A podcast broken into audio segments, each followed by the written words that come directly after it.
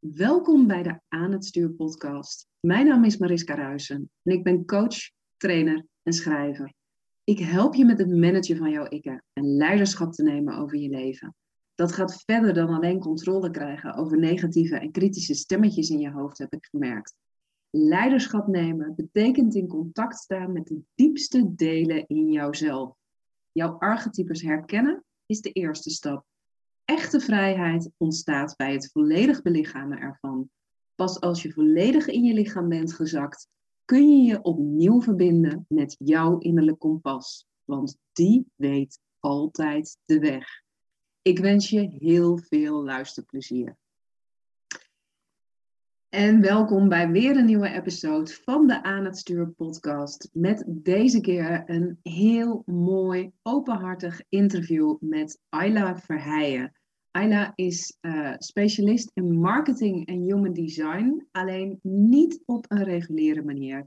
Zij werkt diep energetisch en leert je hoe je je marketing kunt doen op een manier zoals die volledig bij jou past.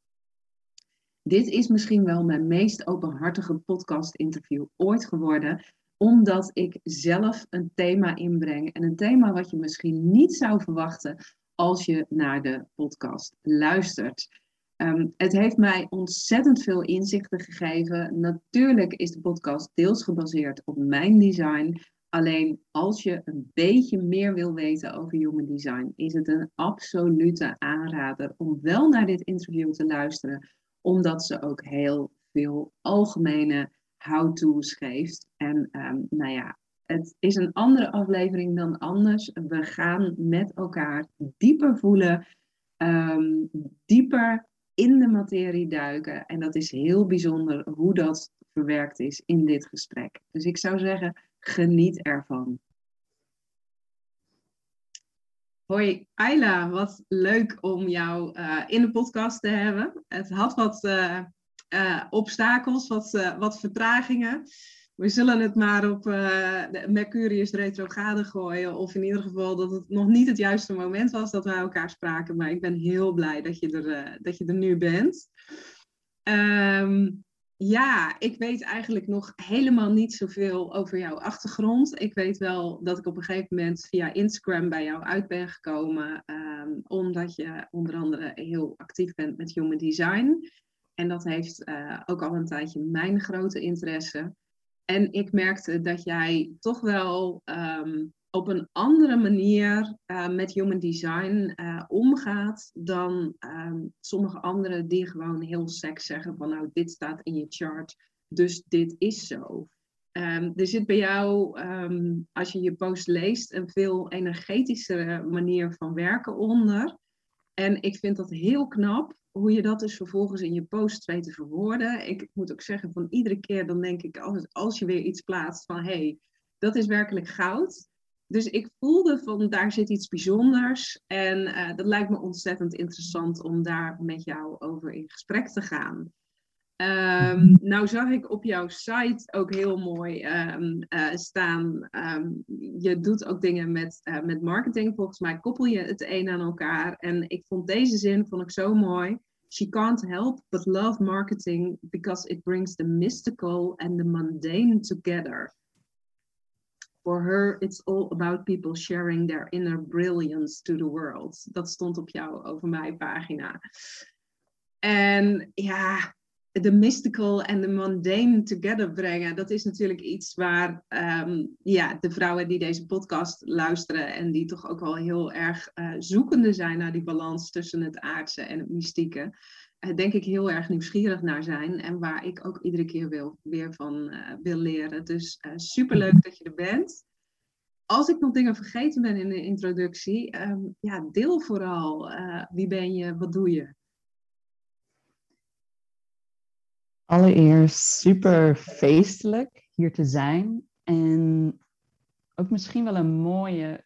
En ook meteen het tentoonspreiden van het praktische waar ik zo ontzettend van hou. En je zei ja, dat het wat voet in de aarde had om elkaar te ontmoeten. En dat is eigenlijk meteen een mooie illustratie van ehm, ik zal af en toe om moeten schakelen van Engels naar Nederlands, maar van eh, emotioneel gedefinieerd zijn. Van de helft van de, hè, van de mensen is emotioneel gedefinieerd in human design. Mm Jij en, ook, zag ik? Ja, wij allebei. Ja, wij allebei. Ehm, dat, dat geeft je zo'n ontzettend andere bouw, die niet ondersteund wordt door wat er in de maatschappij gepropageerd wordt. En het vorige week bijvoorbeeld, toen we eigenlijk ons interview zouden hebben, mhm. dat ik jou de ochtend van tevoren, en het was nog maar een paar uur, eerst zei ik van, oh leuk, ja, gaan we doen. En toen een paar later zei ik, oh, ehm, zouden we hem kunnen verplaatsen? Nou, dat is een relatief nieuwe ontwikkeling in mezelf. Dat ze het zo diep eren van de waarheid van mijn lichaam. En Human Design heeft me daartoe uitgenodigd om dat te doen.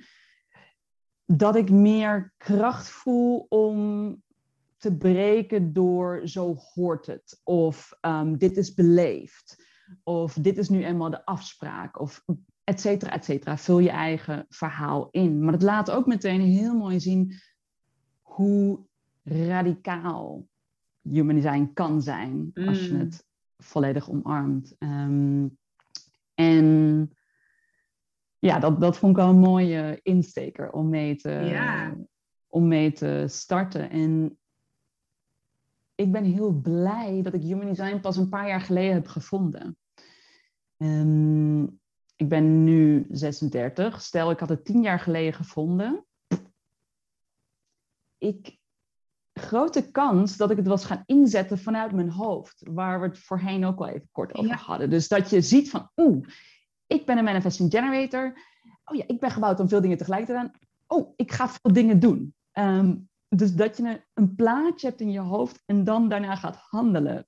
Terwijl nu was ik op een punt dat ik zodanig voorbereid was, zulke grootse lessen had gehad op het gebied van embodiment. Mm dus echt bewogen van een punt van, ik zou zeggen, 5 tot 10 procent embodiment. Zo'n tien, tien jaar geleden naar, ja, nu als ik met jou praat, ik voel mijn lichaam. Ik voel wat er gebeurt. Ik ben me bewust van, van dit hele prachtige bouwwerk hier. Um, en dat is zo'n verschil. Want nu ben ik niet de slaaf van human design. Het is niet van, oh, ik kwam van school, daar vertelden mensen wat, wat ik moest doen. Toen, ik heb op een gegeven moment een baan gehad, daar vertelde iemand anders wat ik moest doen.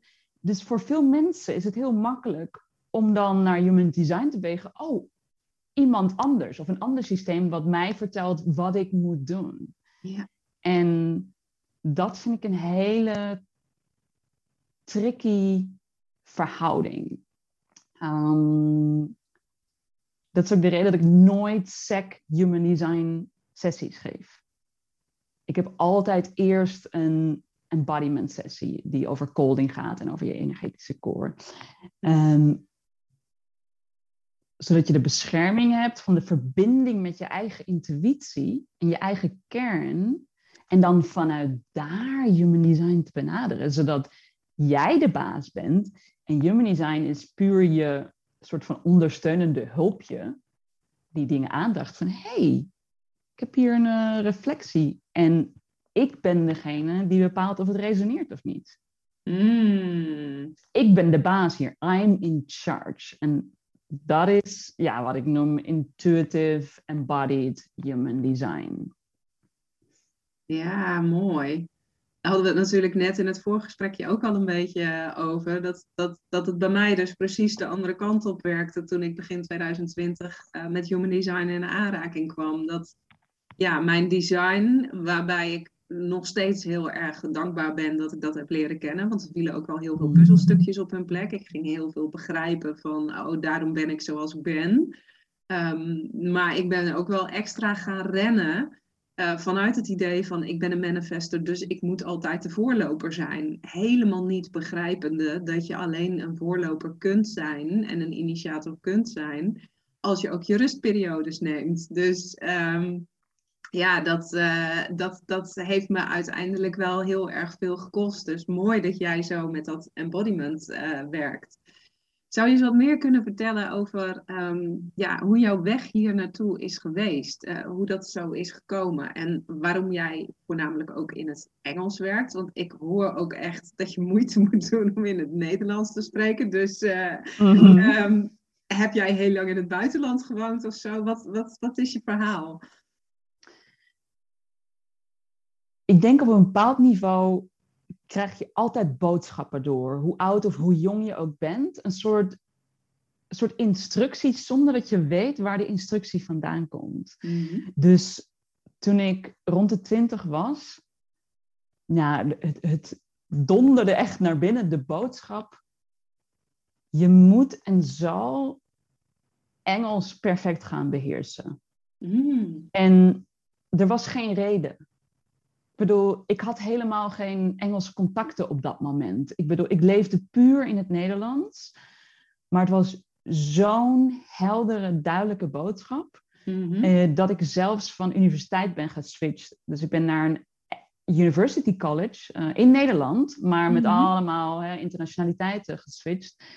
En um, ik had een oké okay basis, maar daar besefte ik, ja, ik kon verschillende accenten niet horen. Dus ik kon het alleen horen in een bepaald heel netjes accent. Mm. Uh, dus daar kreeg ik meer de, ja, zeg maar, de verschillende facetten ja, en echt de ja. spreektaal mee. Um, ik heb alle Harry Potter delen, zeven, in het Engels gelezen. Wat, nou, er zitten bizarre woorden in, ik kan ik je vertellen. Ja. Ik, en ik was zo dedicated dat ik ook bepaald had dat ik niet naar de volgende bladzijde ging tot ik elk woord had opgezocht wat ik niet kende in het woordenboek. Wauw. Um, dus zo sterk was die soort van ja, boodschap. Um, en dat werd me al, ja, pas later werd me duidelijk van. Ik had al wel een gevoel van, oh, ik kan meer mensen hiermee bereiken. Omdat, omdat ik altijd het gevoel heb van, ja, op de een of andere manier ga ik mensen bereiken. Weet ik veel mm. en wat voor manier, maar dat is me, dat is me bijna altijd wel duidelijk geweest. Um, dus dat, ja, dat zette de toon uh, voor het Engels. En later door de spirituele communities waar ik in terecht kwam. Dat was eigenlijk het eerste moment dat ik bijvoorbeeld Facebook begon te gebruiken. Omdat die hele spirituele, het was toen een tantra groepering, die hele community zat op Facebook. Dus daar begon ik in het Engels te schrijven. En vanuit daar ontstond dat ik merkte dat ik een talent had om de, de dingen die we meekregen in die community, mm-hmm. en later dan in, in een andere community, om die in mijn eigen woorden te verwoorden en een soort van te universaliseren. En dat is typisch lijn 5. Jij bent een 3-5, ik ben een 5-2. Yeah. Lijn 5 is heel goed in ja, wat loshangende dingen pakken en daar meer een soort universele boodschap van maken. En uh, dat vond ik superleuk om te doen en daar kreeg ik ook veel erkenning voor. Um, dus het ontstond al in het Engels, omdat die hele community waarmee ik verbonden was, dat waren mensen van over heel de wereld. En mm. dat is eigenlijk nooit veranderd, omdat een heel groot deel van mijn quote-unquote vrienden, dan in eerste instantie op Facebook, uh, nu mm. veel meer op Instagram, ja, die spraken ook geen Nederlands. Dus het was ook praktisch om, mm. ja, om dat dan in het Engels te gaan schrijven.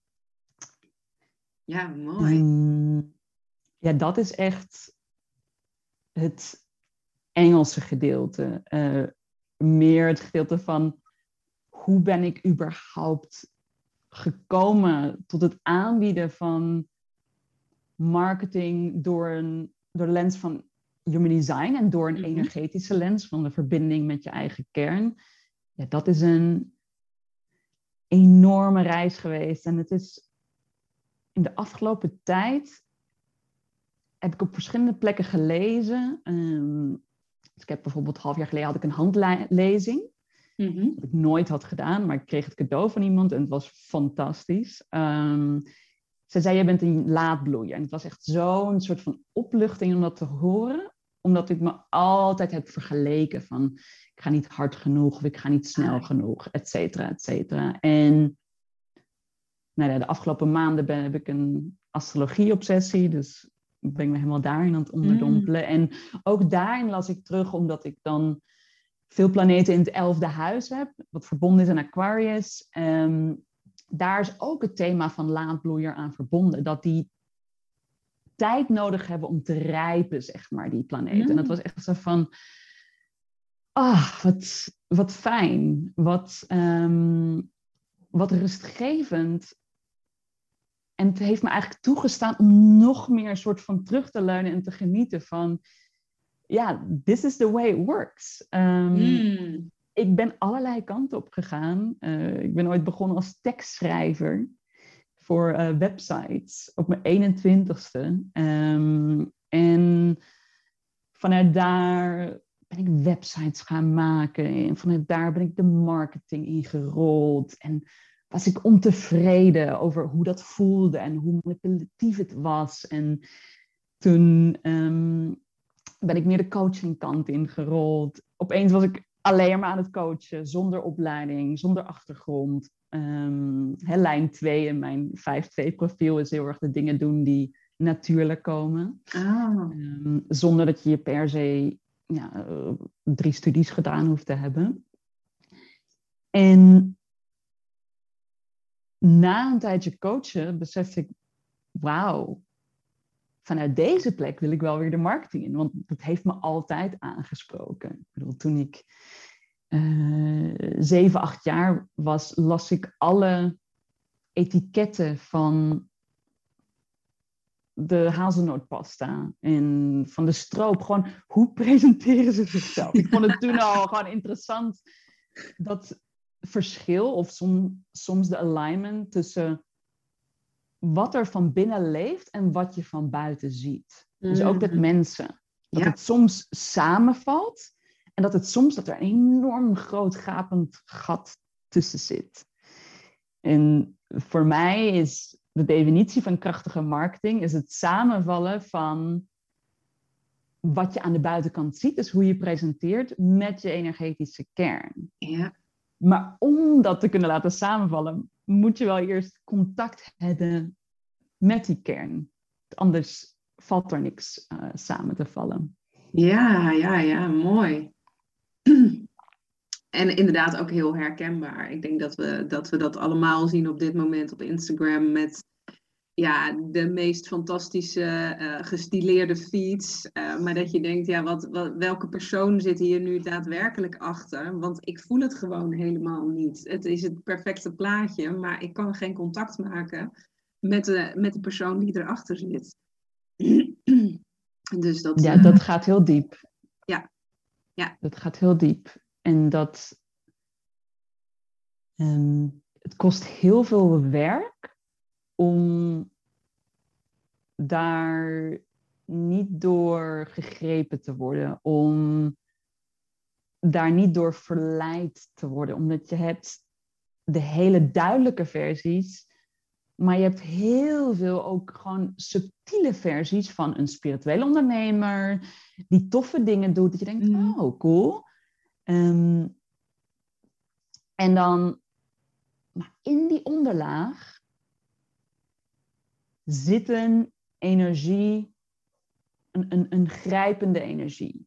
Zit Ja. een energie die zich, die zich in je vast kan haken. En dan met name vast kan haken op de gebieden waar je zelf het meest onzeker bent. mm, En daar een haakje neer kan zetten waar je denkt, oeh, ik moet even extra goed luisteren naar, naar deze persoon. Ehm, en ja, ik denk een van de bevrijdendste acties die je kunt doen op Instagram is echt je hele lijst doorgaan met iedereen die je volgt. En dan nagaan, volg ik deze persoon uit gevoel van FOMO? Hè, want anders mis ik iets wat, wat, wat ik nodig heb.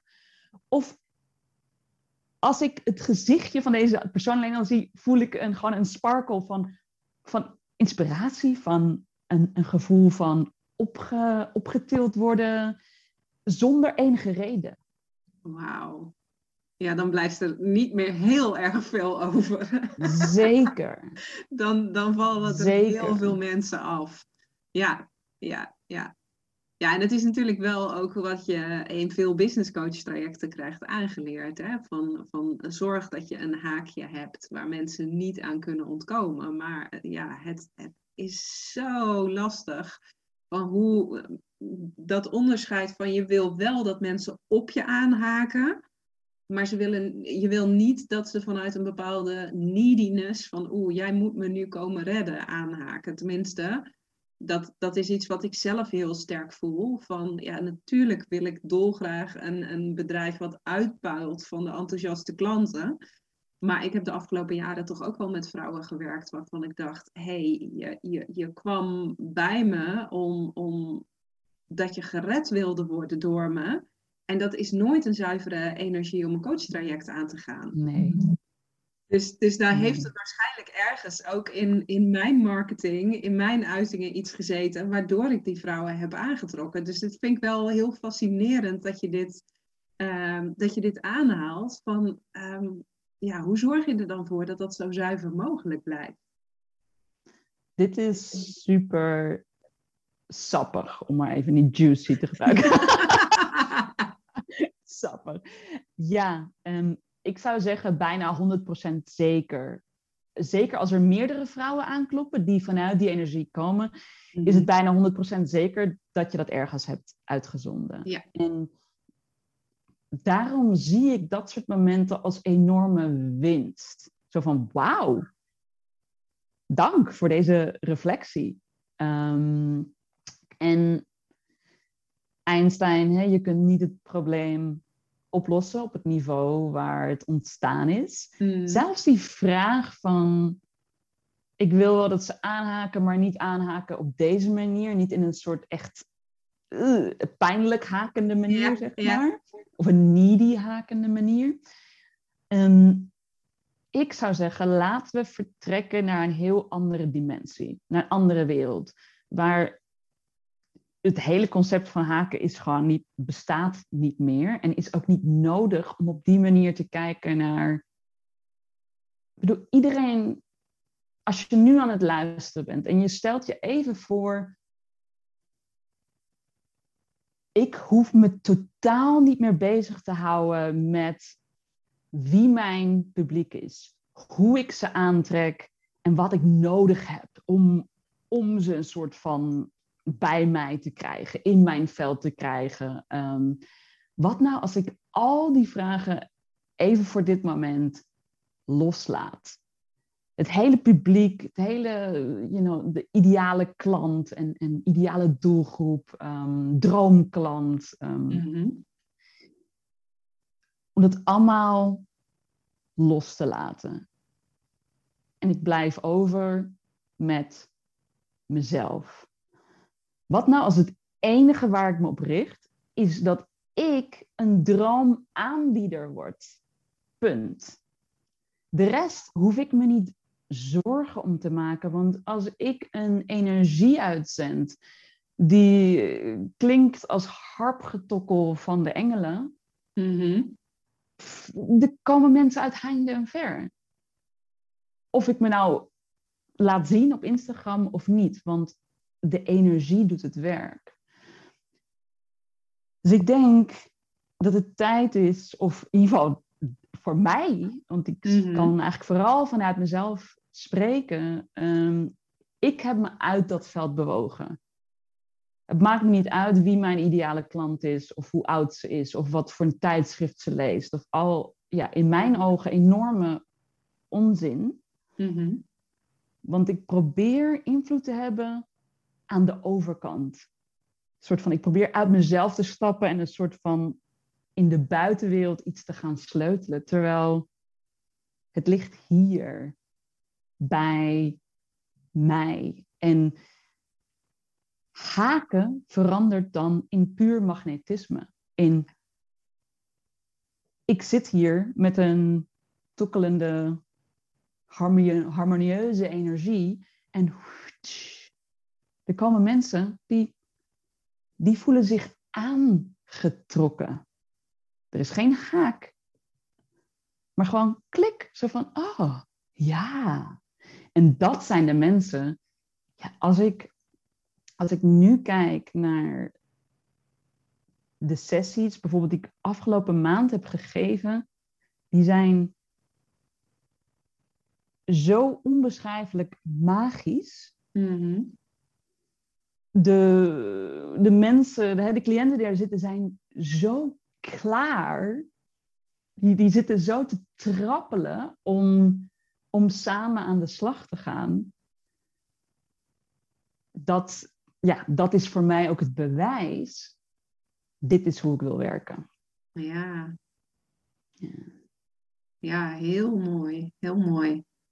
En dat vraagt ook een hele grote mindshift. Want nou, dat is in deze podcast ook al in andere episodes aan de orde gekomen. Dat we volgens mij in een tijd zitten waarin we juist heel veel mogen ontleren.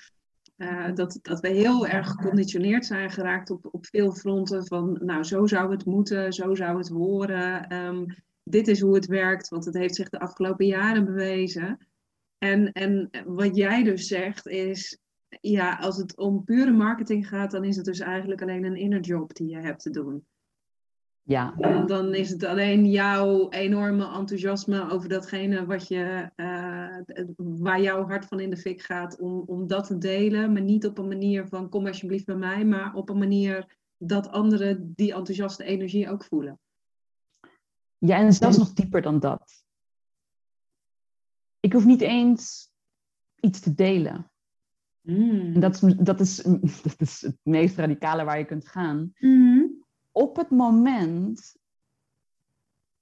Ik had begin deze zomer een wake-up call. Dus ik was een paar maanden lichtelijk zoekende, minder verbonden met waar ik naartoe ging, met mijn lichaam. Mm. En opeens werd me duidelijk begin van de zomer van, oh, ik heb mezelf voor een deel voor de gek gehouden. Ik heb bedacht dat iets een respons was. Hè. Als manifesting generator ben ik hier om ja, vanuit mijn lichaam te voelen, oeh, ik ben daar tot aangetrokken. Mm. En ehm, ik kan af en toe boeren. Ik ben heel veel aan het opruimen de afgelopen paar dagen. En in het algemeen ben ik een, Mhm. een expert in, ehm, in boeren. Heel mooi. Ehm, en ik heb een projectorvriend die me op, vaak op cruciale momenten de juiste vragen stelt. En naast dat hij een projector is, is hij ook nog eens zo gebouwd met heel veel schorpioen en nou ja, allerlei extra elementen, waardoor hij één grote bullshit detector is. Mm. Dus hè, met een paar nog juiste vragen van hem erbovenop was het opeens. Ja, ik bedoel, er was een soort innerlijk vuurwerk van illuminatie, van verheldering, van oh, wauw. Wauw, ik heb mezelf voorgehouden dat iets een respons was. Mm. Ehm, en in dat geval ging het om over eh, meer geld voor iets vragen. Maar het was gewoon mind excitement. Het kwam nog steeds vanuit mijn hoofd. En van alles implodeerde, dus viel eigenlijk in brokstukken neer. Maar dat gaf juist ook weer heel veel ruimte van, oh, ik ben vrij. En Mhm. eh, ik deed niks. Ik liet niks op Instagram zien. Ik postte niks op mijn stories. De volgende dag klopte er twee, drie nieuwe klanten aan. En dat zie ik keer op keer. Ja. Oh, wauw, wat mooi. Daar ligt de kern. Instagram, leuk, maar de kers op de taart. Ja, ja. Ja, ik denk ook wel herkenbaar voor mijzelf. Ik zit nu ook wel in zo'n soort proces. Ehm, ik vertelde jou net al in het, in het voorgesprekje van, nou, ik, ik heb wel heel erg duidelijk en helder wat mijn visie en mijn missie is. Dat ik gewoon dat, dat hele embodiment stuk van je vrouwelijke archetypes leren kennen en, en het afzakken naar je baarmoeder, eh, in contact zijn met je lichaam. Eh, dat dat is eh, wat ik de wereld in mag gaan zetten. En tegelijkertijd, ik weet niet of het komt ehm, dat het in mijzelf nog soms een beetje wiebelig voelt. Zo van, nou, dit is dus ook wel interessant wat er gebeurt nu, hè? Heel interessant. Overkomt me de laatste tijd vaker, dus daar, daar zit nog iets uh, waarschijnlijk. Um, maar of het nou in mezelf nog wiebelig voelt van hé, hey, maar ik was toch altijd de ultieme uh, hoofdpersoon. Ik uh, heb voordat ik zeg maar aan het stuur een beetje los ging laten, waar ik jou over vertelde, heb ik 15 jaar lang als jurist bij het Openbaar Ministerie gewerkt. Dus ik ben heel erg opgevoed als, als hoofdmens. Um, maar ik ben, ik ben echt aan het zoeken. Um, uh, en waarschijnlijk vraagt het programma wat ik, wat ik nu uh, aan het uitrollen ben, waar dus al wel gelukkig iemand nu in zit, vraagt het ook van mij dat ik voortdurend dat embodiment leef. Alleen, ja, ik merk dus dat, dat de klanten nog niet naar me toestromen. Dus daar zit ergens nog iets waar ik met mezelf uh, toch een beetje in gevecht ben. Um, iedereen die mij hoort vertellen over de archetypes en, en die deze podcast luistert, die hebben allemaal zoiets van, oh wauw. Maar ze voelen nog niet, ja en yes, dit wil ik bij jou. Dus daar, um, nou, best wel heel kwetsbaar natuurlijk om dat nu zo open en bloot in de podcast uh, te benoemen. Maar daar, daar zal dus bij mij energetisch waarschijnlijk ook nog iets in de weg zitten. Of, of zie jij misschien dingen in mijn chart waarvan je zegt van, hé, hey, daar zit ook wel iets waardoor je het jezelf misschien onnodig uh, ingewikkeld maakt. Nou, daarom des te mooier dat je het nu inbrengt. Ik denk extra krachtig. Um, met dit soort dingen vind ik het heel mooi. Of het nou om een relatie gaat die niet lekker loopt. Of mm. om een product of project wat je hè, neerzet en je voelt, hmm, er zit nog een strubbeling in vind ik altijd heel mooi om naar het zaadje terug te gaan. Um, kijk, als een relatie bijvoorbeeld gestart is, deels niet vanuit de autoriteit, vanuit het lichaam, vanuit bijvoorbeeld als je emotional authority hebt, heb je echt een lange um, datefase nodig. Mm-hmm. En echt de tijd om het in te laten zinken van klopt dit, voelt dit goed. Liever dan de eerste avond meteen met elkaar naar bed gaan en dan al eigenlijk helemaal verwikkeld zijn. Mhm. Ehm, zodat je echt kunt in blijven voelen vanuit je, nou, als je bijvoorbeeld emotionele um, autoriteit hebt, van klopt dit? En hetzelfde geldt voor een project of een product of een service wat je, wat je uitbrengt. Dus als je teruggaat naar het zaadje als manifester, en dit zal voor mensen die luisteren, zal het verschillend zijn als je een ander type bent. Dus als generator is het dat je ergens op hebt gerespond. Mhm. Dus letterlijk je lichaam voelde zich ergens toe aangetrokken en is toen in beweging gekomen. Mhm. Bij de manifester gaat het om een urge die binnenkomt. Um, dus eigenlijk, ja, eh, je ziel fluistert je iets in en mhm. je voelt van oeh. Ehm, dus kun je daar iets over vertellen hoe dat is ontstaan en weet je nog wanneer dat is ontstaan?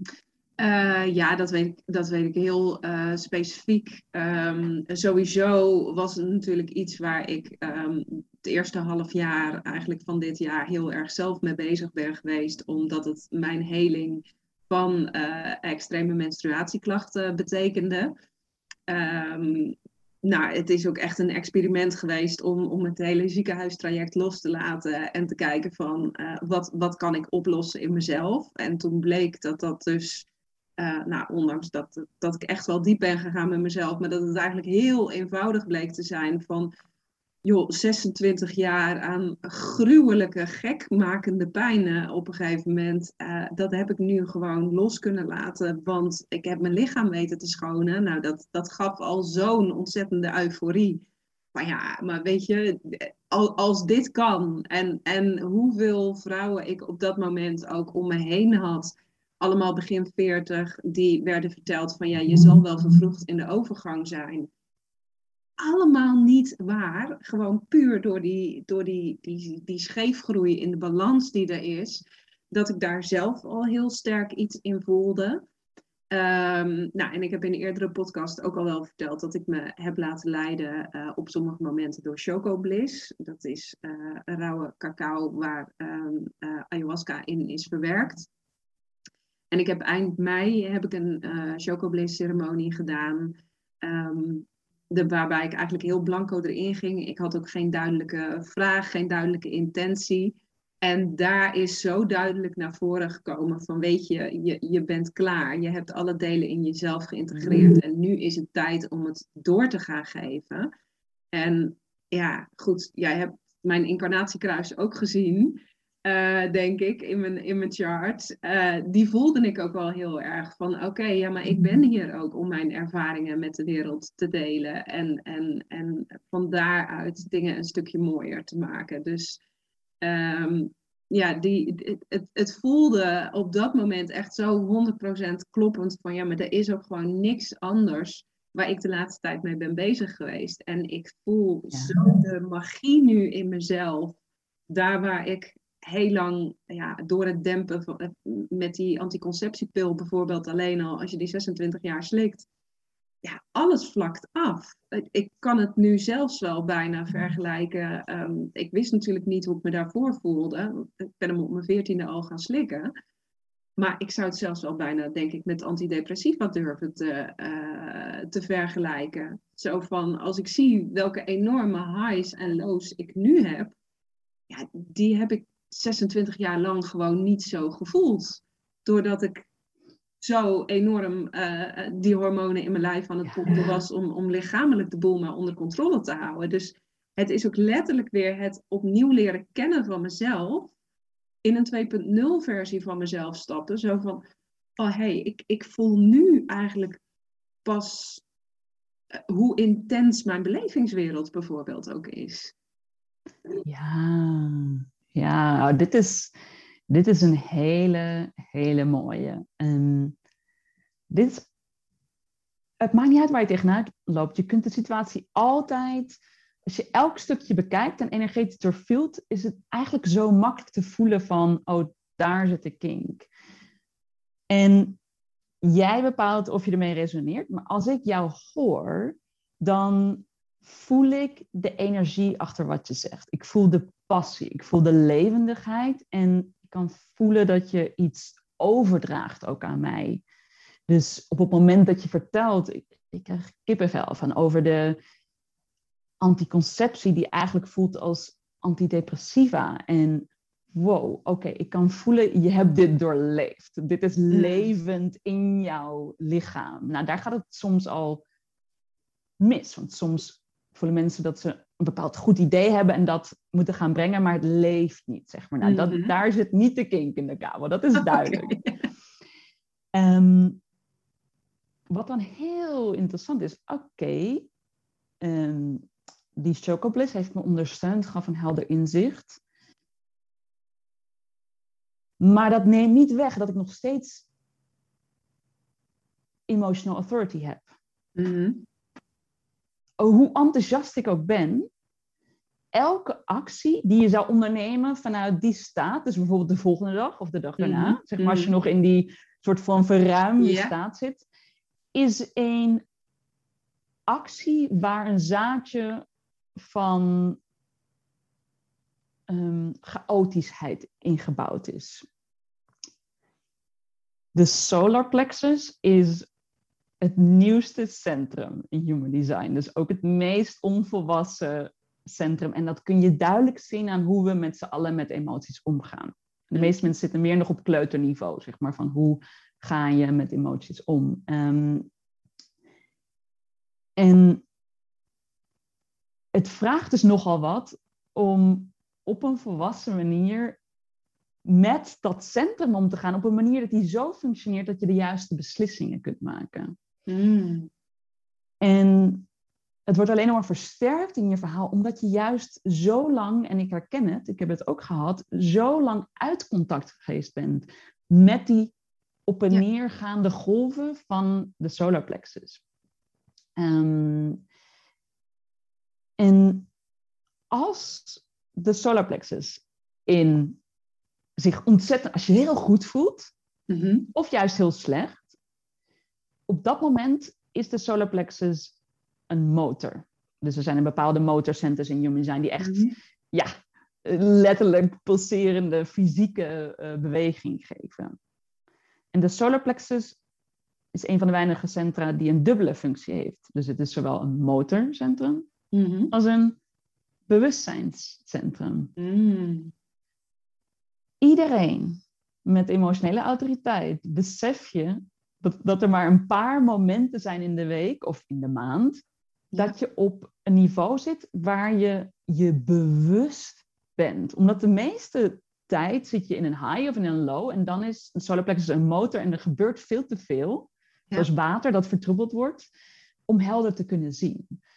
Pas als je daartussenin zit op een punt van, oh, hmm, ik voel me prima, eh, ik voel me verbonden met mezelf, maar er is een bepaald soort neutraliteit. En rust Mhm. Mhm. dat is het moment waarop je een definitieve ja of een nee kunt gaan geven. Mm. Oh, en dat vraagt me toch een afstemming om dat geduld te hebben, om hè, op dat moment te Ja. wachten. Ehm, dus het zou kunnen zijn dat je misschien voorbarig, eh, voordat je emotionele autoriteit helemaal is uitgegolfd, omdat, kijk, je hoofd geeft niet zomaar zijn plek op als hoofdbeslisser in je leven. Mhm.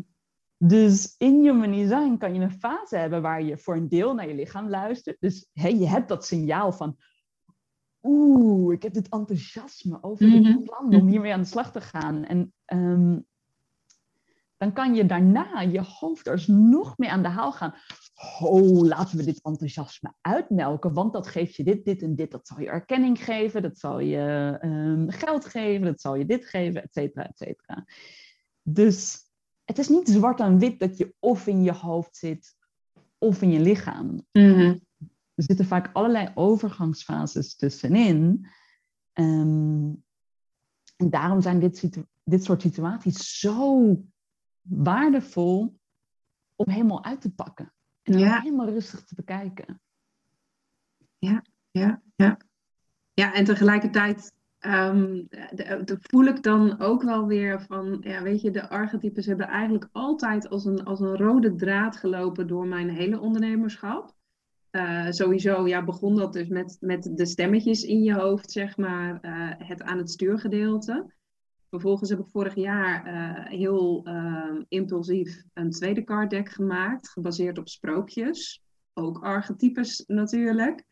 Ehm, dat was een coronaprojectje, want het was wat rustiger in mijn praktijk. En ik dacht, nou, ik wil in ieder geval iets doen waar ik de joy in, in hou. Dus waar zou ik nou heel erg blij van worden?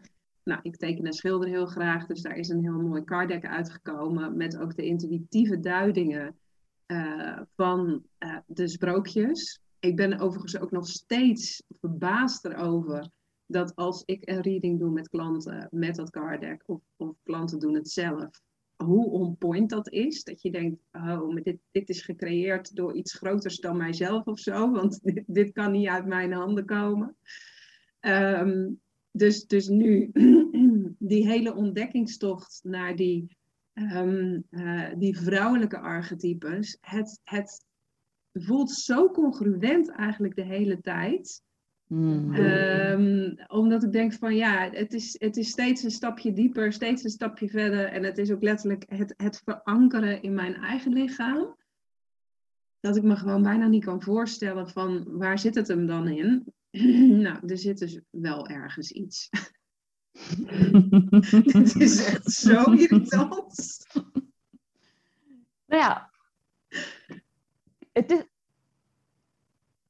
ik denk daar zit het in, in het verschil van is het irritant of is dit het gaafst wat me nu kan overkomen? Dat ik real life feedback krijg van mijn keel waar iets vast zit of waar iets geblokkeerd zit. Of Ja. van wauw, ik word zo diep begeleid dat ik gewoon ter plekke reflecties Ja. krijg. Ja. En En dit is heel mooi dat je dit aangeeft, want dat, daardoor kunnen we er een drietraps raket van maken. Want dit is eigenlijk relevant voor iedereen die luistert. Van hey, Mhm. het komt zo vaak voor dat je een project doet en je voelt van oh, of een product en zo van ah, het, eh, het loopt niet helemaal lekker. Mhm, mhm. Dus we hebben het zaadje, stap Mhm. 1. We hebben de, het luisteren naar je lichaam en Mhm. hè, naar je strategie en autoriteit. Als het komt wanneer het juiste moment is om dat zaadje echt ook ehm, ja, tot uitdrukking te brengen. Ik krijg Mhm. soms een jaar van tevoren een visioen. En een jaar later komt er pas iets langs waar ik op respond, op reageer. Mm. En dat het echt tot le- leven komt. Dus ik ben, ik ben sowieso gestopt met het idee dat ik mijn visioenen moet uitvoeren. Ik zie het meer als een soort doorkijkjes die ik dan zo van, oh, dankjewel. Waardoor ik weet wat er gaat komen, min of meer. Een soort Mhm. klein voorproefje. Waardoor als misschien een half jaar later er iets langskomt, kan ik er ook makkelijker op responden als het ware. Van, oh ja, oh. Ehm, maar dan daarna hebben we stap drie. En die is minstens net zo interessant. Want daar gebeurt heel veel. Ik heb dit hele gave, nog deels vormloze ding. Maar die, die energie die voelt van oeh, die naar buiten wil bewegen Ja. shit, maar nu moet het een vorm krijgen. En zodra het een vorm moet gaan krijgen, is het heel makkelijk om verstrikt te raken in alle regels, ideeën van hoe het moet, ehm, business guru advies, Mm. et cetera, et cetera. ehm, marketing, ehm, must, must do's, ehm, et cetera, et cetera. En ja, mijn uitnodiging aan iedereen is om al het marketingadvies wat je ooit hebt ontvangen, om dat in de prullenbak te gooien. Alles. Met een witte canvas te starten, Mm. waar jij de creator bent, waar die speelsheid is van oeh, oeh, misschien wil ik wel geen website. Of misschien wil ik wel een website met een paar plaatjes en een paar woorden, met een soort mysterieuze air eromheen. Misschien wil ik wel een super creatieve fotoshoot doen, waar ik onder de bodypaint ben gesplashed en ehm, in bomen klim. Ehm, en wil ik dat als basis voor mijn website. Mhm. Misschien vind ik posten op Instagram vind ik super irritant en gedoe. Maar af en toe zo in die stories hoppen en gewoon vertellen wat er opkomt, vind ik heel fijn. Dus nee, ik ga niet posten.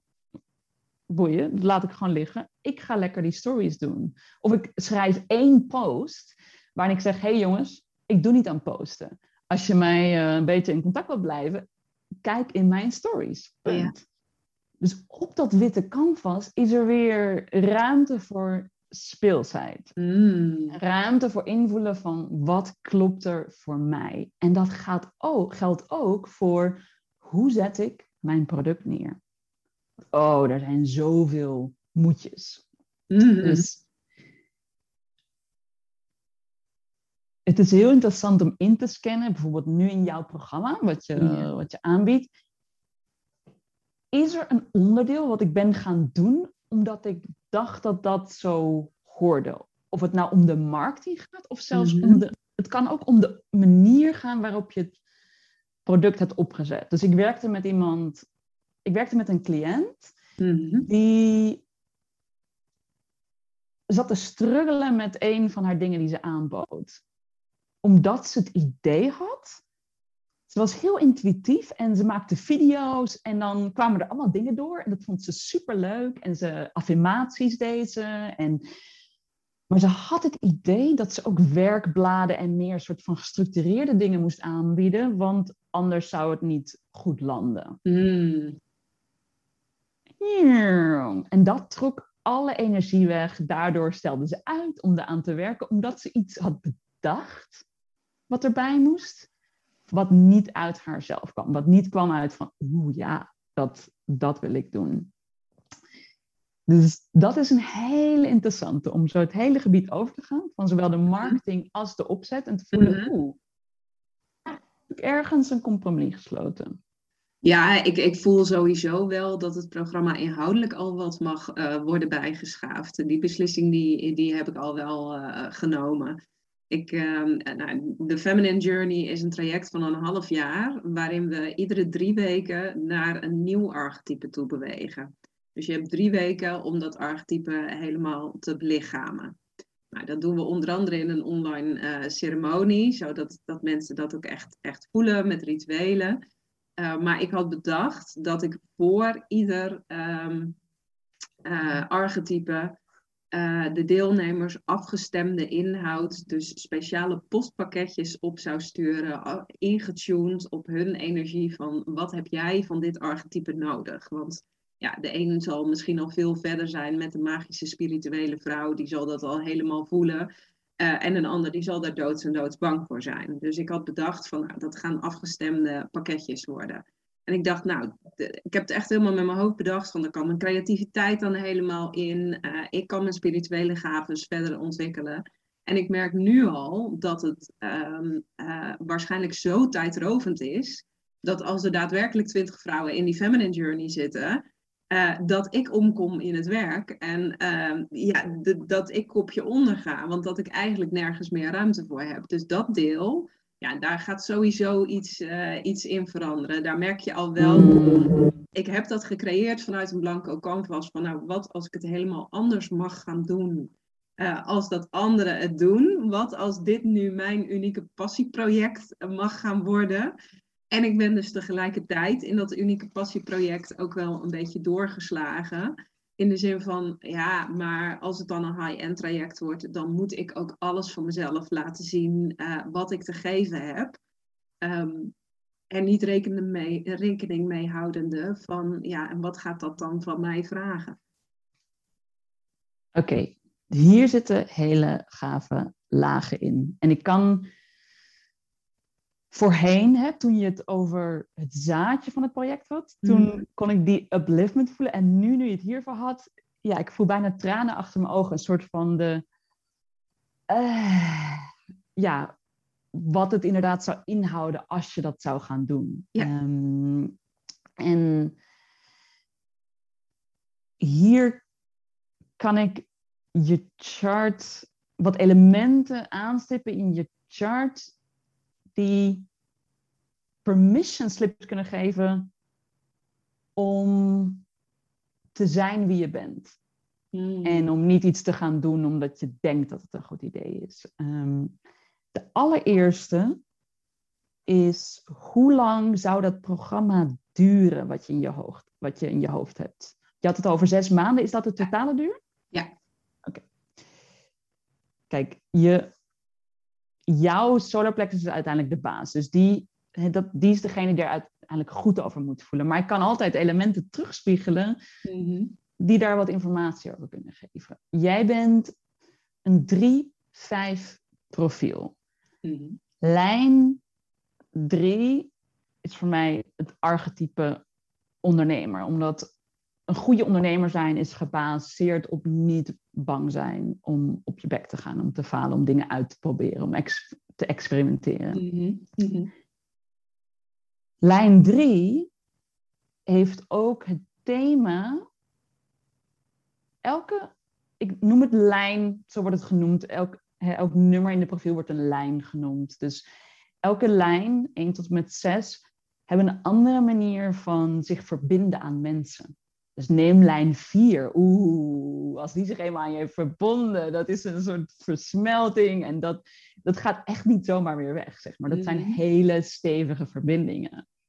Ik, als lijn 5, kan korte tijd veel impact hebben, maar ik ben heel goed in het aanraken van vreemdelingen. Eigenlijk mensen die mij niet zo goed kennen. Mm. Ehm, en heel veel mensen heb ik misschien niet eens door dat ik ze heb aangeraakt of in beweging heb gezet. Um, dus dat is weer een heel andere manier. Lijn 3 De letterlijke term die wordt gegeven in het Engels is bonds made and broken. Dus voor lijn 3 is het heel gezond om een soort van in- en uit verbindingen te stappen. Zelfs als je in een vaste relatie zit, om bijvoorbeeld af te zeggen: hey, hey lieve man of hey lieve vrouw, ik ga even een weekend of een weekje, ga ik even in mijn eentje pad. Mm. En dat is ook al een moment dat je even eruit stapt. Niet dat je het letterlijk uit hoeft te maken. Hoewel dat ook kan gebeuren, dat er een pauze is of whatever. En dat houdt ook in dat veel mensen met een lijn 3 prefereren om op korte termijn met mensen te werken. Of om gewoon veel wisselen.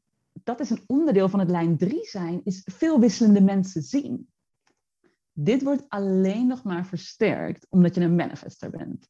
De Ah. manifester komt in, komt naar binnen, Mhm. doet zijn explosieding, heeft zijn impact, Mhm. gaat weer weg. Is niet gebouwd om dan vervolgens de brokstukken op te ruimen en nog een beetje te polijsten van oh, en om de ander als het ware helemaal op te vangen en te dragen Mhm. als hij een soort van wow, eh, die impact heeft ontvangen. Ehm, dus die twee elementen samen maken dat ik, dat ik zeker je zou uitnodigen om te vragen van als ik al mijn ideeën over loslaat, over hoe lang ik met mensen zou moeten werken, waar word ik gewoon oprecht blij van? Ja. ja, dat is een mooie. En hij resoneert ook ergens eh, wel hoor. Ja, het leek mij heel mooi om, om gewoon ja, iedere drie weken een contactmoment te hebben eh, met de groep. Eh, omdat dat ook iets is wat te overzien is. Maar ik merk inderdaad wel uit werk wat ik in het verleden heb gedaan, trajecten die een half jaar of langer duurden. ehm, ja, dat het dan op een gegeven moment ook wel goed genoeg was. Dus daar, daar, zit, daar zit wel iets in van, hé, hey, ik mag misschien in een kortere periode gewoon een grote impact hebben op, eh, op mensen. Je soort van druk maken om details is niet zozeer waarvoor de manifester is gebouwd. Nee, nee, nee. en ik, kijk, voor mij, ehm, de lijn 5 werkt heel goed in crisis. Dus als mensen helemaal vastzitten, ik kom in, maar een crisis duurt meestal niet, weet je wel, een half jaar. Zeker niet als je ermee aan de slag gaat.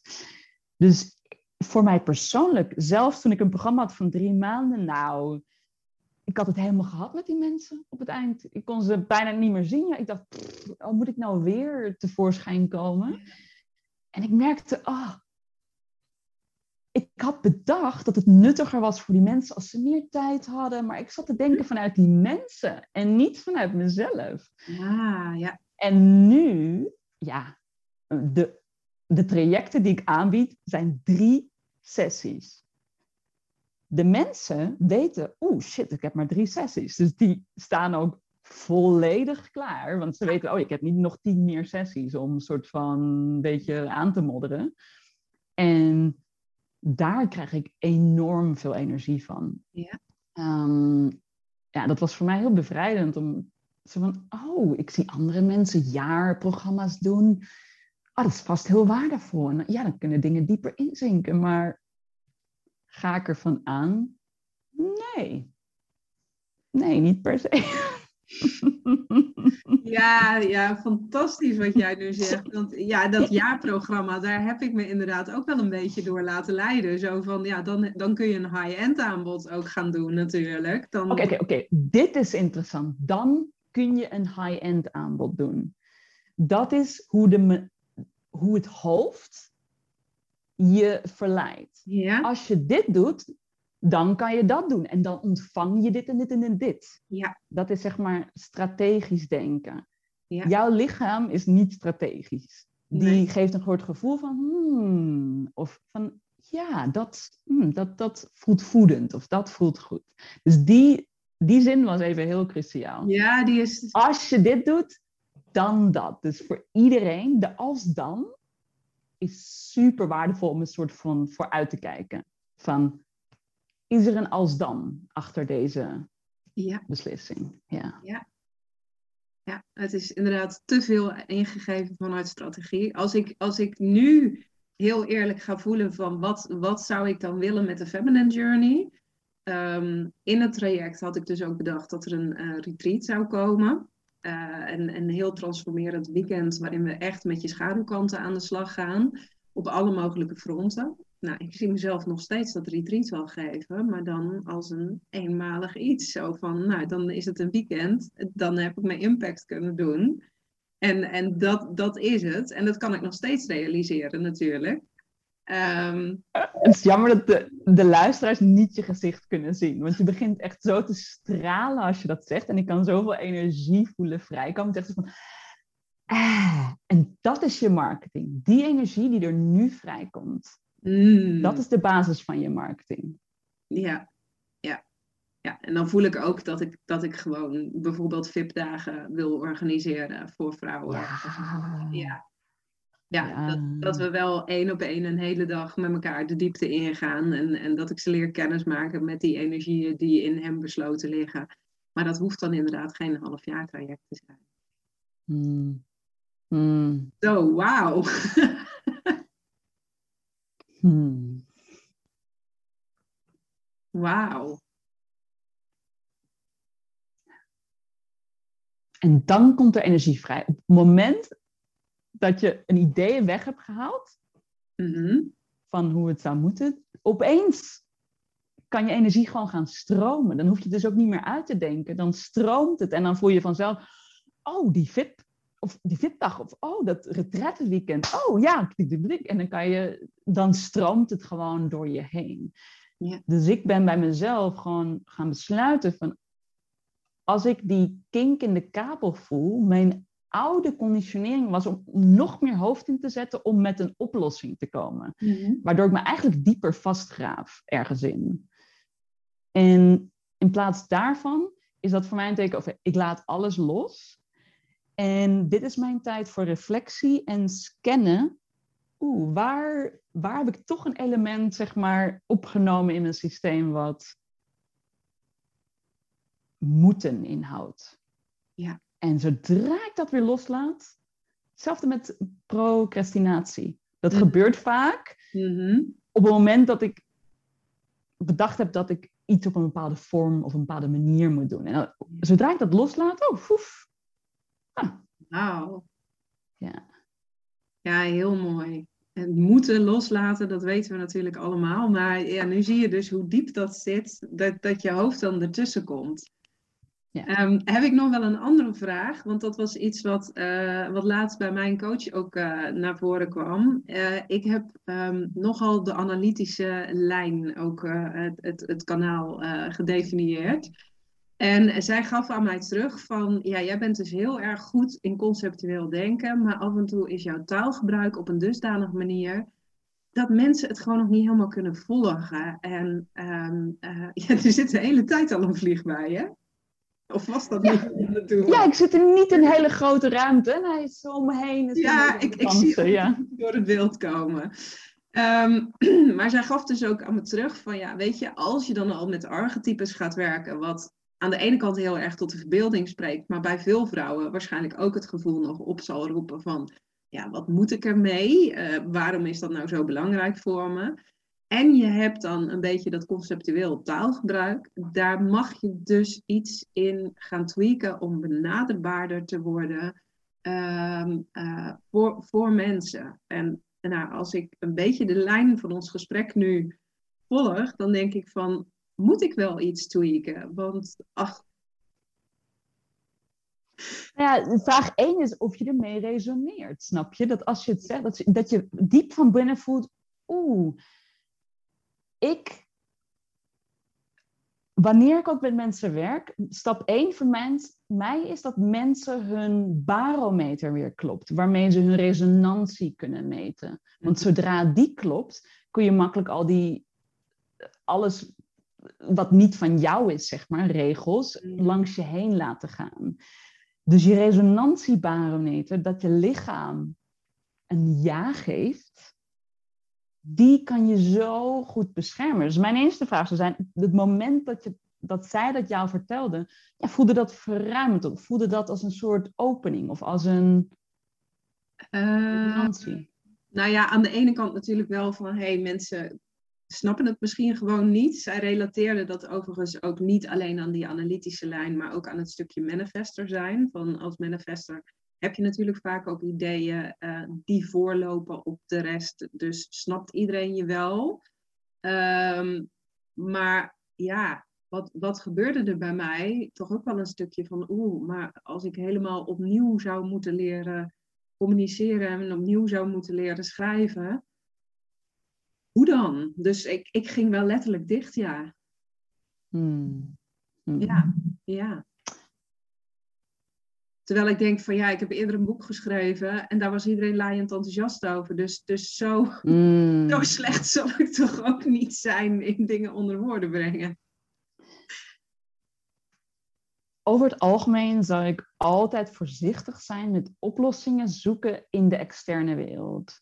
Dus oeh, ik moet wat um, um, meer foto's van mijn gezicht gebruiken op Instagram, want anders hebben mensen geen band met me. Of oeh, ik moet kortere stukken tekst op mijn website, zodat het behapbaarder is. Um, dit is net een beetje als met symptomen werken als je ziek bent.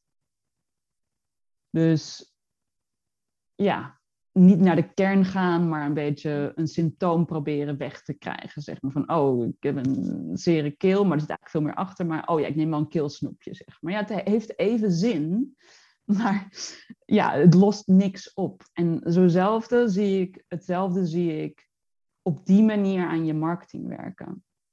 Um, ik vind het veel interessanter voor mezelf om mijzelf constant op het verscherpen van mijn eigen energie te richten. Hmm. En te vertrouwen dat vanuit daar de juiste uitdrukkingen zullen komen, de juiste expressies. En dat voelt voor mij veel uh, ontspannender. En dat houdt ook in dat ik nog steeds de ruimte laat om mezelf uit te drukken op bizarre, nog nooit eerder geziene manieren. Want dat wil ik kunnen. Hmm. Ik wil een stem kunnen zijn, en dat zit ook duidelijk in mijn chart. Ik ben niet degene die met boodschappen gaat komen die een soort van al vaag bekend zijn. En zo, oh ja, tuurlijk, ja, dat heb ik al tien keer gelezen. Nee, jij en ik allebei, we hebben um, allebei in onze chart twee individuele kanalen. Mm. Nou, individuele kanalen zijn alle kanalen die zich, als je er drie op een rijtje zit, ziet, is degene in het midden. Dus in jouw geval is het het 12-22 kanaal en 23-43. Het zijn twee individual channels. Mm-hmm. Die zijn hier om verandering te brengen. Nog bovenop het feit dat je een manifester bent. Mm. Om empowerment te brengen. En om in, zoals Miles Davis dat zei, in de stilte tussen de noten Mm-hmm. zit de muziek. In de stilte tussen de noten kunnen er bij jou, bij mij, bij iedereen die iets van die energie heeft, Mm. baf, kan er een compleet nieuw paradigma, een compleet nieuw iets door je heen stromen. Ehm, is het handig dat je daar woorden aan kan geven, dat je het uit kan leggen? Ja, zeker. Ehm, maar het is niet de bedoeling om je stem aan te gaan passen uit angst dat anders niet iedereen het zal gaan begrijpen. Ja. Het is veel interessanter om te blijven voelen van kan ik nog dieper in mijn eigen stem leunen en in mijn eigen energie.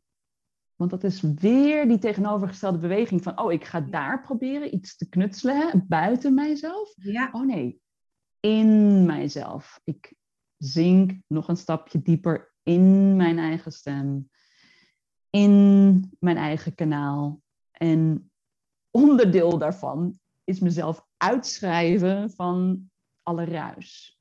Ja. Ja, die vind ik heel mooi wat je zegt. Want een van de dingen waarom ik dus zo met jouw post resoneer, is, ja, ik moet hem drie keer lezen soms, voordat ik daadwerkelijk snap wat er staat. Omdat ze zo diep gaan. Ja, en wat is het hele medium op Instagram? Scrollen, scrollen, scrollen, snel weer door. Het, het, het is informatiesnacken.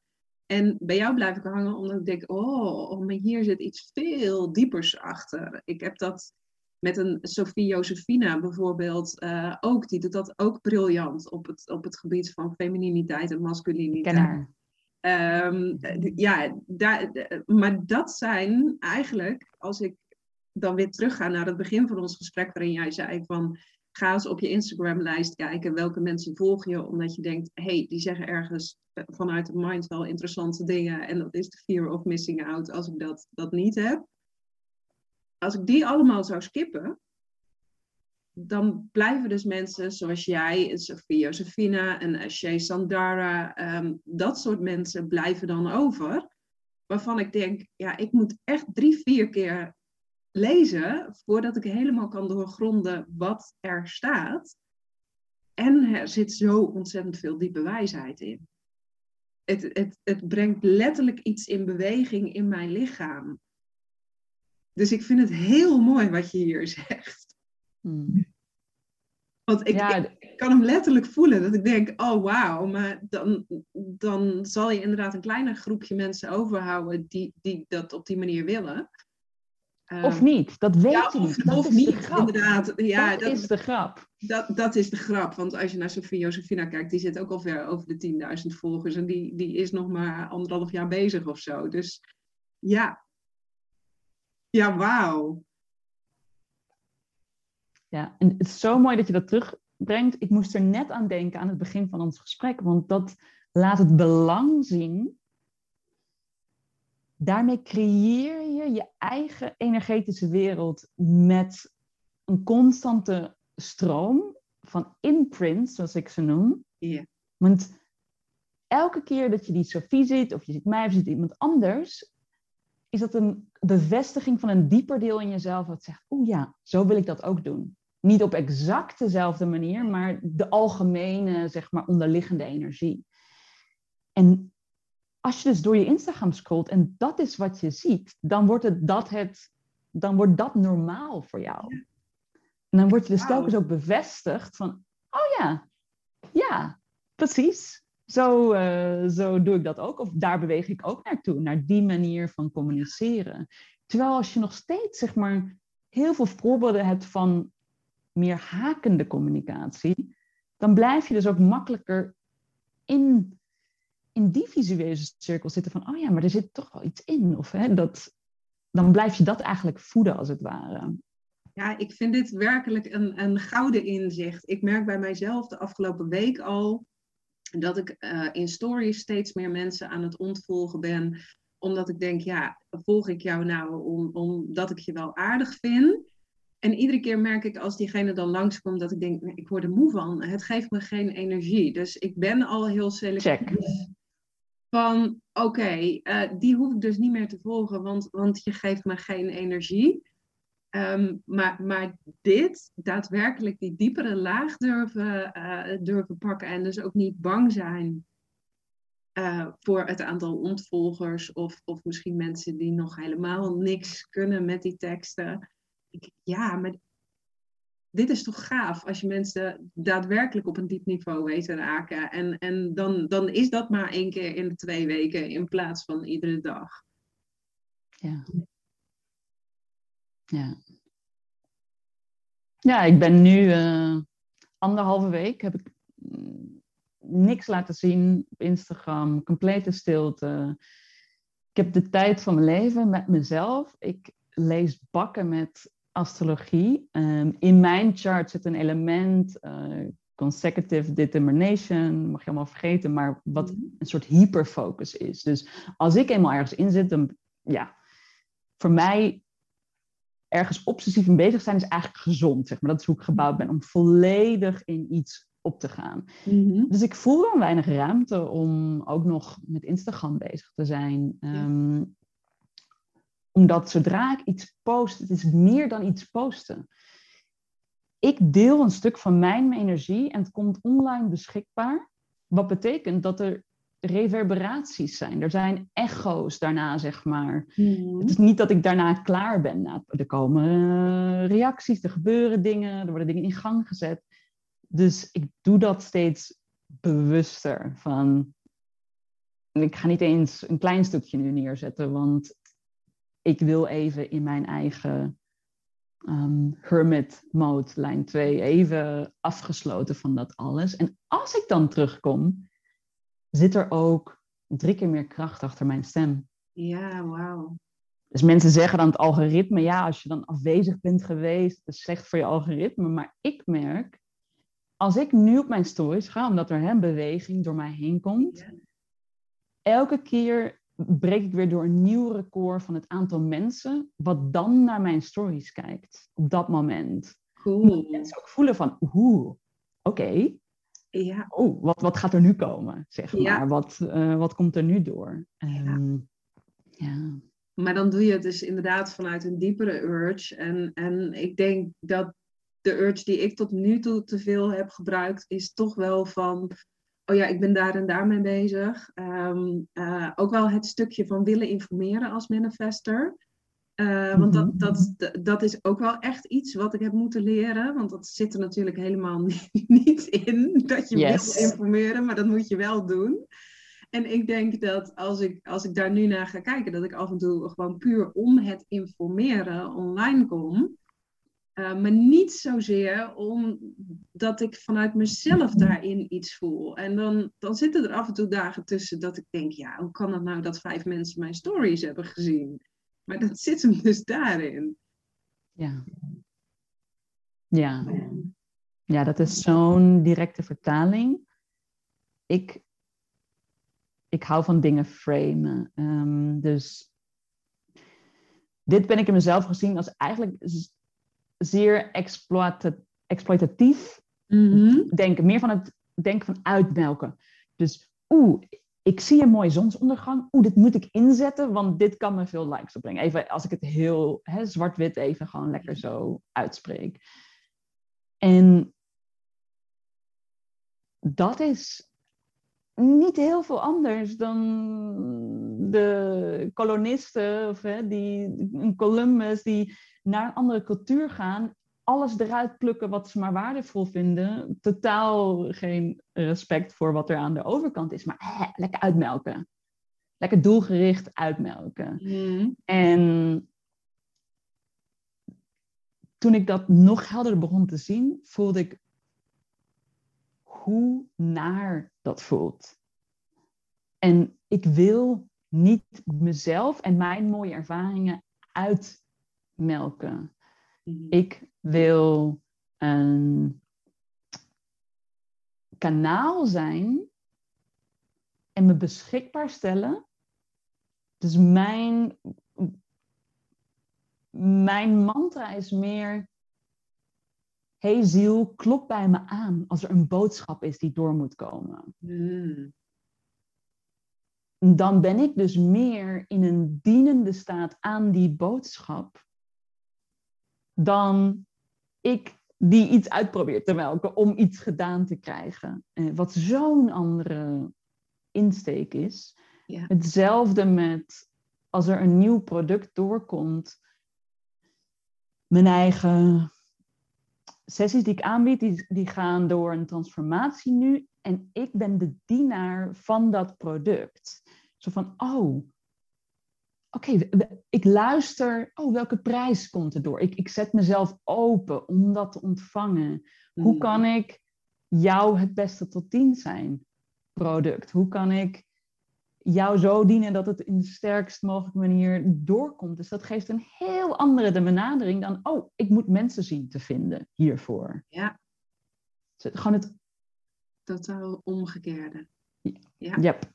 Ja. Yep. Ja. 180 degrees. Dat, dat, dat vraagt inderdaad best wel veel. Er, heeft laatst ook iemand tegen mij gezegd van... hé, hey, maar als, als jij zo gestuurd bent van jij mag nu iets met die archetypes gaan doen. En jij bent zo hard aan het trekken eraan. Nou ja, we zien dus nu waarom. Het klopte nog niet helemaal. Het was nog niet helemaal uitgelijnd. Wat als je de archetypes jou zou laten dragen? En hen zou laten beslissen wat je mag gaan doen. En die voel ik op een heel diep niveau. Ehm, maar ik denk dat dit inderdaad dan ook weer het stukje is waar je het eerder over had. Van nou, als je uh, emotioneel gedefinieerd bent, dan, dan, dan heb je dus heel erg ook te voelen van waar gaat het over. En ik zei net al, ik ben de Mariska 2.0 aan het worden. Ik ben mezelf opnieuw aan het uitvinden. Het echt voelen dat die archetypes mij mogen dragen, dat is nog niet zo eenvoudig. Mm. Mm. Dat vraagt best ook wel weer practice. En dat is zo eerlijk. En dat is dat soort ondernemers met wie ik in zee wil. Dat zijn ondernemers die die mate van eerlijkheid naar zichzelf hebben. En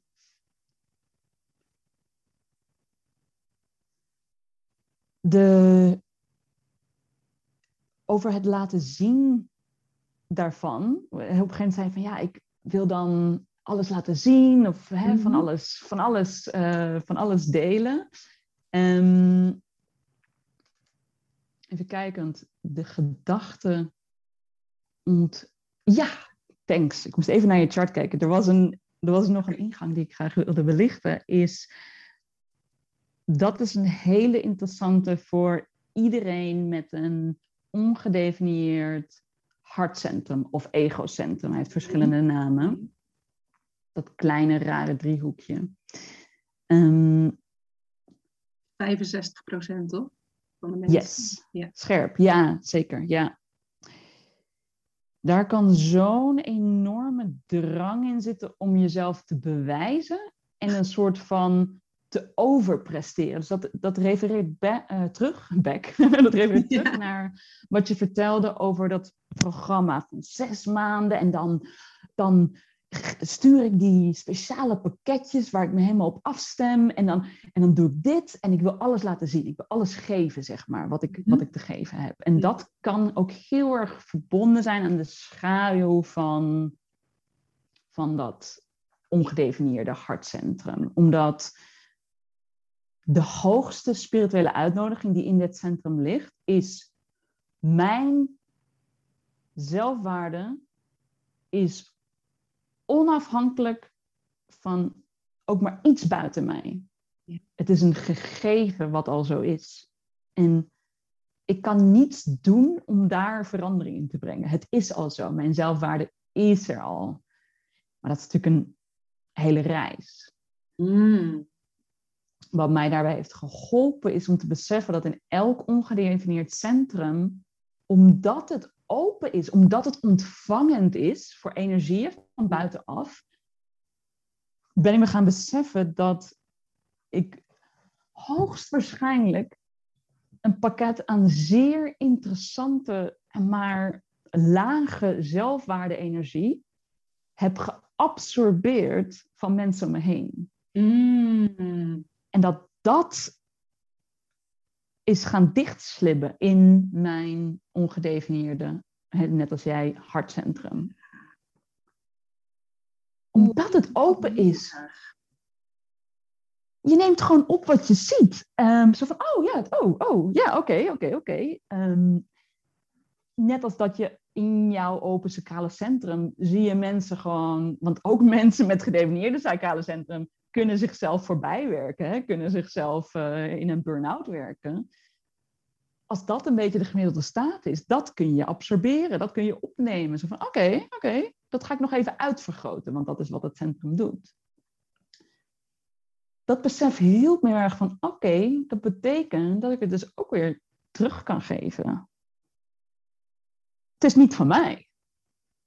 Ik kan gewoon eigenlijk weer, ook dat is een proces en niks gaat van de een op de andere dag. Maar ik ben me meer bewust gaan worden als ik met iemand in een ruimte stap van de ander zijn zelfwaarde. Van de ander zijn ego, letterlijk. En ego in de meest neutrale vorm. als, je hebt gezonde uitdrukkingen van ego en op Instagram kan ik nu dus beter zien, oeh, daar is een ego zich wat aan het opblazen. Ja. Omdat ik het door mijn ongedefinieerde centrum aanvoel en bekijk en voel van, oeh nee, dat is niet een frequentie die, die goed voedt. In plaats van het, onder die opgeblazen ego zit lage zelfwaarde. Zodra ik met hun ga interacteren, absorbeer ik eigenlijk een stuk van hun lage zelfwaarde. Waardoor zij het niet hoeven te dragen. Nou, dit gaat heel diep, maar dat is, dat is de onderliggende energetische werking. Ja, ik, ik, ik voel wel waar je, waar je naartoe wil. Vooral dat stukje van als je uh, een ongedefinieerd um, hartcentrum hebt, dat je um, uh, het gebrek aan eigenwaarde van andere mensen aan het uh, absorberen bent. Um, ik ben aanvankelijk, toen ik uit loondienst ging, gestart als coach en traumatherapeut. En ik heb ontzettend genoten van dat werk, maar ik merk dat ik nu ook wel een bepaalde weerstand voel als mensen mij opbellen. En dat ik, jezus, ik zit gewoon helemaal niet op jouw zwaarte te wachten. Ik weet dat ik je ervan af kan helpen, um, maar ik, ik, ik, ik, ik, ik wil dit helemaal niet. En dat jij dus zegt van, ja, omdat het open is, absorbeer jij er ook een stukje van. Um, mensen hebben ook wel eens tegen mij gezegd van het voelt ook alsof jij een bepaalde zwaarte met je meedraagt. En die zwaarte is niet alleen van jou. Um, dus ja, fantastisch dat jij nu zegt van, ja weet je, dat, kan dus gewoon uh, onbewust uit je omgeving zijn gekomen. Yes, en dan, dan is het oké. Maar als absorberen eigenlijk niet zo handig is, wat vaak een overlevingstactiek was, ook als kind, en kun je gaan van absorberen naar shoppen. Shoppen is mijn favoriete benadering van elk ongedefinieerd centra. Oké, ik heb een ongedefinieerd hartcentrum. Ah, ik, net als met kleding, ik ga shoppen, ik zie mensen om me heen, ik zie verschillende frequenties mhm. van ego, van wilskracht, van commitment, hè, van al die energie die in het hartcentrum zit, van waarde, zelfwaarde.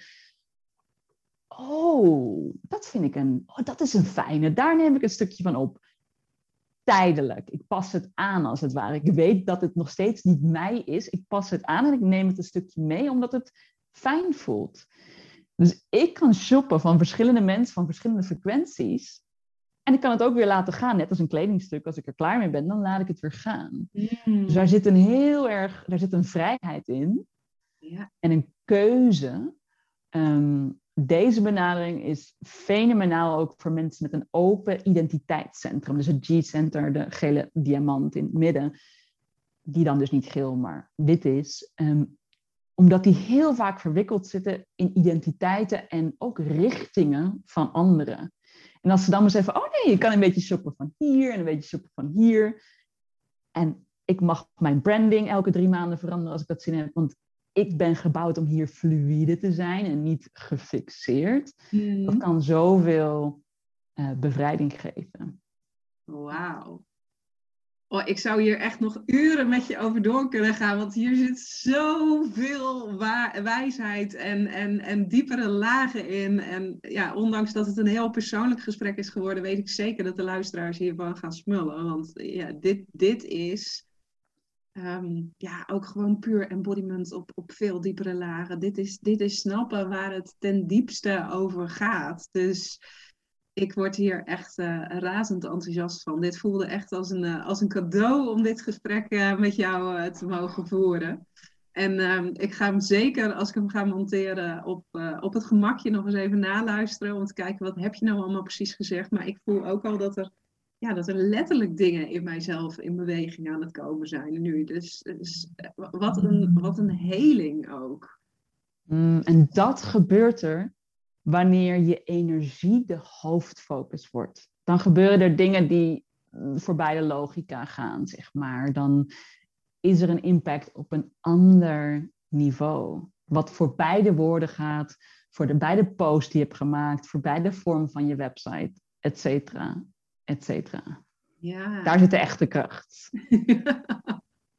Wauw, nou super Ja. dankjewel. Als mensen jou wil, willen gaan volgen, je bent dus niet super actief. Je, je doet het alleen op het moment dat je hem, eh, dat je hem voelt. Maar is Instagram dan eh, het, het handigste kanaal? Of zeg je van, nou ga gewoon Zeker. en, eh, en boek een sessie?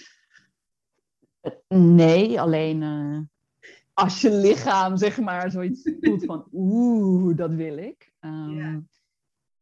Nee, mijn insteek is juist, ik wil niet met iedereen een sessie doen. Ja. Ik wil alleen met die mensen een sessie doen die zelf voelen. "Ah, ja, ja. Met die mensen. eh, daar wil ik graag een sessie mee doen. Ehm, dus ja, mijn Instagram is een hele, hele mooie start. En voor mensen die graag hun human design chart door willen lopen en gewoon stap voor stap naar alle elementen willen kijken, heb ik op mijn website een enorm lange blog die door alle onderdelen gaat, van profiel tot de centra. En dan verwijs ik eigenlijk naar andere bronnen, Mm. andere websites die ik goed vind, waarvan ik denk van ja, dat, die zijn waardevol. Ehm, dat zijn eigenlijk wel de, de twee, ja, dat zijn de twee belangrijkste wegen. Ja, want jij wil echt ook gewoon één op één met mensen blijven werken. Jij hebt niet de ambitie om, om die enorme wijsheid eh, van, van het energetisch weten van, van human design op een grotere schaal uit te gaan dragen. Dat, dat, of is dat nog een toekomstplan van je misschien? Ja, de- ik, ik heb niet echt meer plannen, maar wel beelden. Ehm, dat is altijd het beeld geweest. Ehm, dus ik weet dat ik op een gegeven moment op grote podia zal staan en ook de wereld rondtrekken. En ik, Mm. ik heb vier belangrijke planeten in Leeuw en ook in publieke huizen, tiende en elfde huis. Dus daar zit heel veel soort van energie achter om iets over de bühne te brengen. Ehm, maar ik weet ook dat ik er niet aan kan trekken en dat het in zijn eigen tijd Ja. zich aan het voltrekken is. En voor mij weet ik dat dat is nu een van mijn grootste acceleratoren. Is het juist niet meer te aantrekken. Daardoor beginnen dingen zich sneller nu te ontwikkelen. Ehm, is het terugleunen, het achteroverleunen. Ehm, Past ook wel dus ik erg. werk daar niet aan. Ja, Ja. wauw. Wat knap dat je dat kan. Nou, het heeft heel veel jaar geduurd. Echt heel veel jaar. Ehm, en heel veel frustratie, mislukkingen. Waar ga ik nu in hemelsnaam naartoe? Twee dikke depressies, et cetera, et cetera. Ehm, dus ja, ik zie dat, ik zie dat zeker, zeker voor me. En nu heb ik gewoon lol in elke stap die zich ontvouwt. Mhm.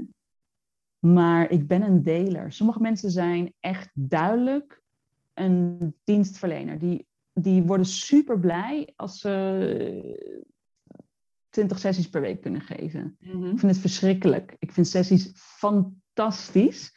Maar mensen kunnen alleen op maandag en dinsdag boeken. That's it. Ah. De rest van de week wil ik vrij hebben om ja, dingen door te kunnen krijgen. En dan ook de focus en de ruimte om dat weer ehm, te verwerken, als het ware. Ehm, dus ja, Ja, mooi, mooi. Heel erg ruimte houden voor alles wat nog door je heen mag komen en wat zich nog mag ontvouwen. Want dat is, Ja. ja. dat is natuurlijk ook wel een hele grote valkuil waar we keer op keer weer opnieuw intrappen. Hè? En dat je denkt, oh het is zo gaaf waar ik allemaal mee bezig ben. Ik kan nog wel een beetje meer. En ondertussen zet je jezelf weer dicht. ja. Dank je wel voor dit prachtige interview. Hmm, eh, dankjewel voor je geduld en vooral voor je lef om zo ook je eigen verhaal op tafel te leggen. En dat heeft ook echt, dat brengt mij weer tot leven. Dat Mhm. zorgt dat ik op het scherpst van mijn snede ben. Ehm, ja, dus dankjewel voor je input en je oprechte vragen. Ja, Ja, nou ja, goed. Eh, dat, dat zit wel in mij, die openheid en die eerlijkheid. Al is het natuurlijk wel een beetje gek als mensen hier nu naar gaan luisteren. En tegelijkertijd denk ik ook van, ja, er had nooit zo'n chemie in dit gesprek kunnen ontstaan.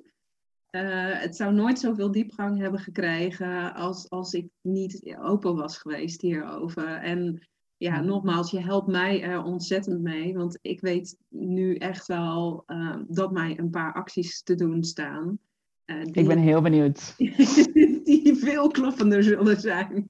Nou, ik ben dus, heel benieuwd. ja, dankjewel.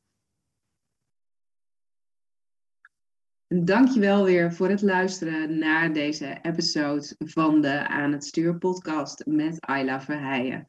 Um, ben je geïnspireerd geraakt? Deel in ieder geval jouw inzichten hierover op social media. Dat zouden we ontzettend leuk vinden. En wil jij meer weten over jouw vrouwelijke archetypes? Wil jij weten hoe je ook steeds een laagje dieper kunt gaan en dichterbij kunt komen? Wat voor jou nou precies de bedoeling is? Ehm, neem dan contact met mij op voor een gratis strategiecall. Ik heb de komende tijd nog plek voor vijf één op één coachingsklanten. En dan neem ik je heel graag mee in een reis door de archetypes.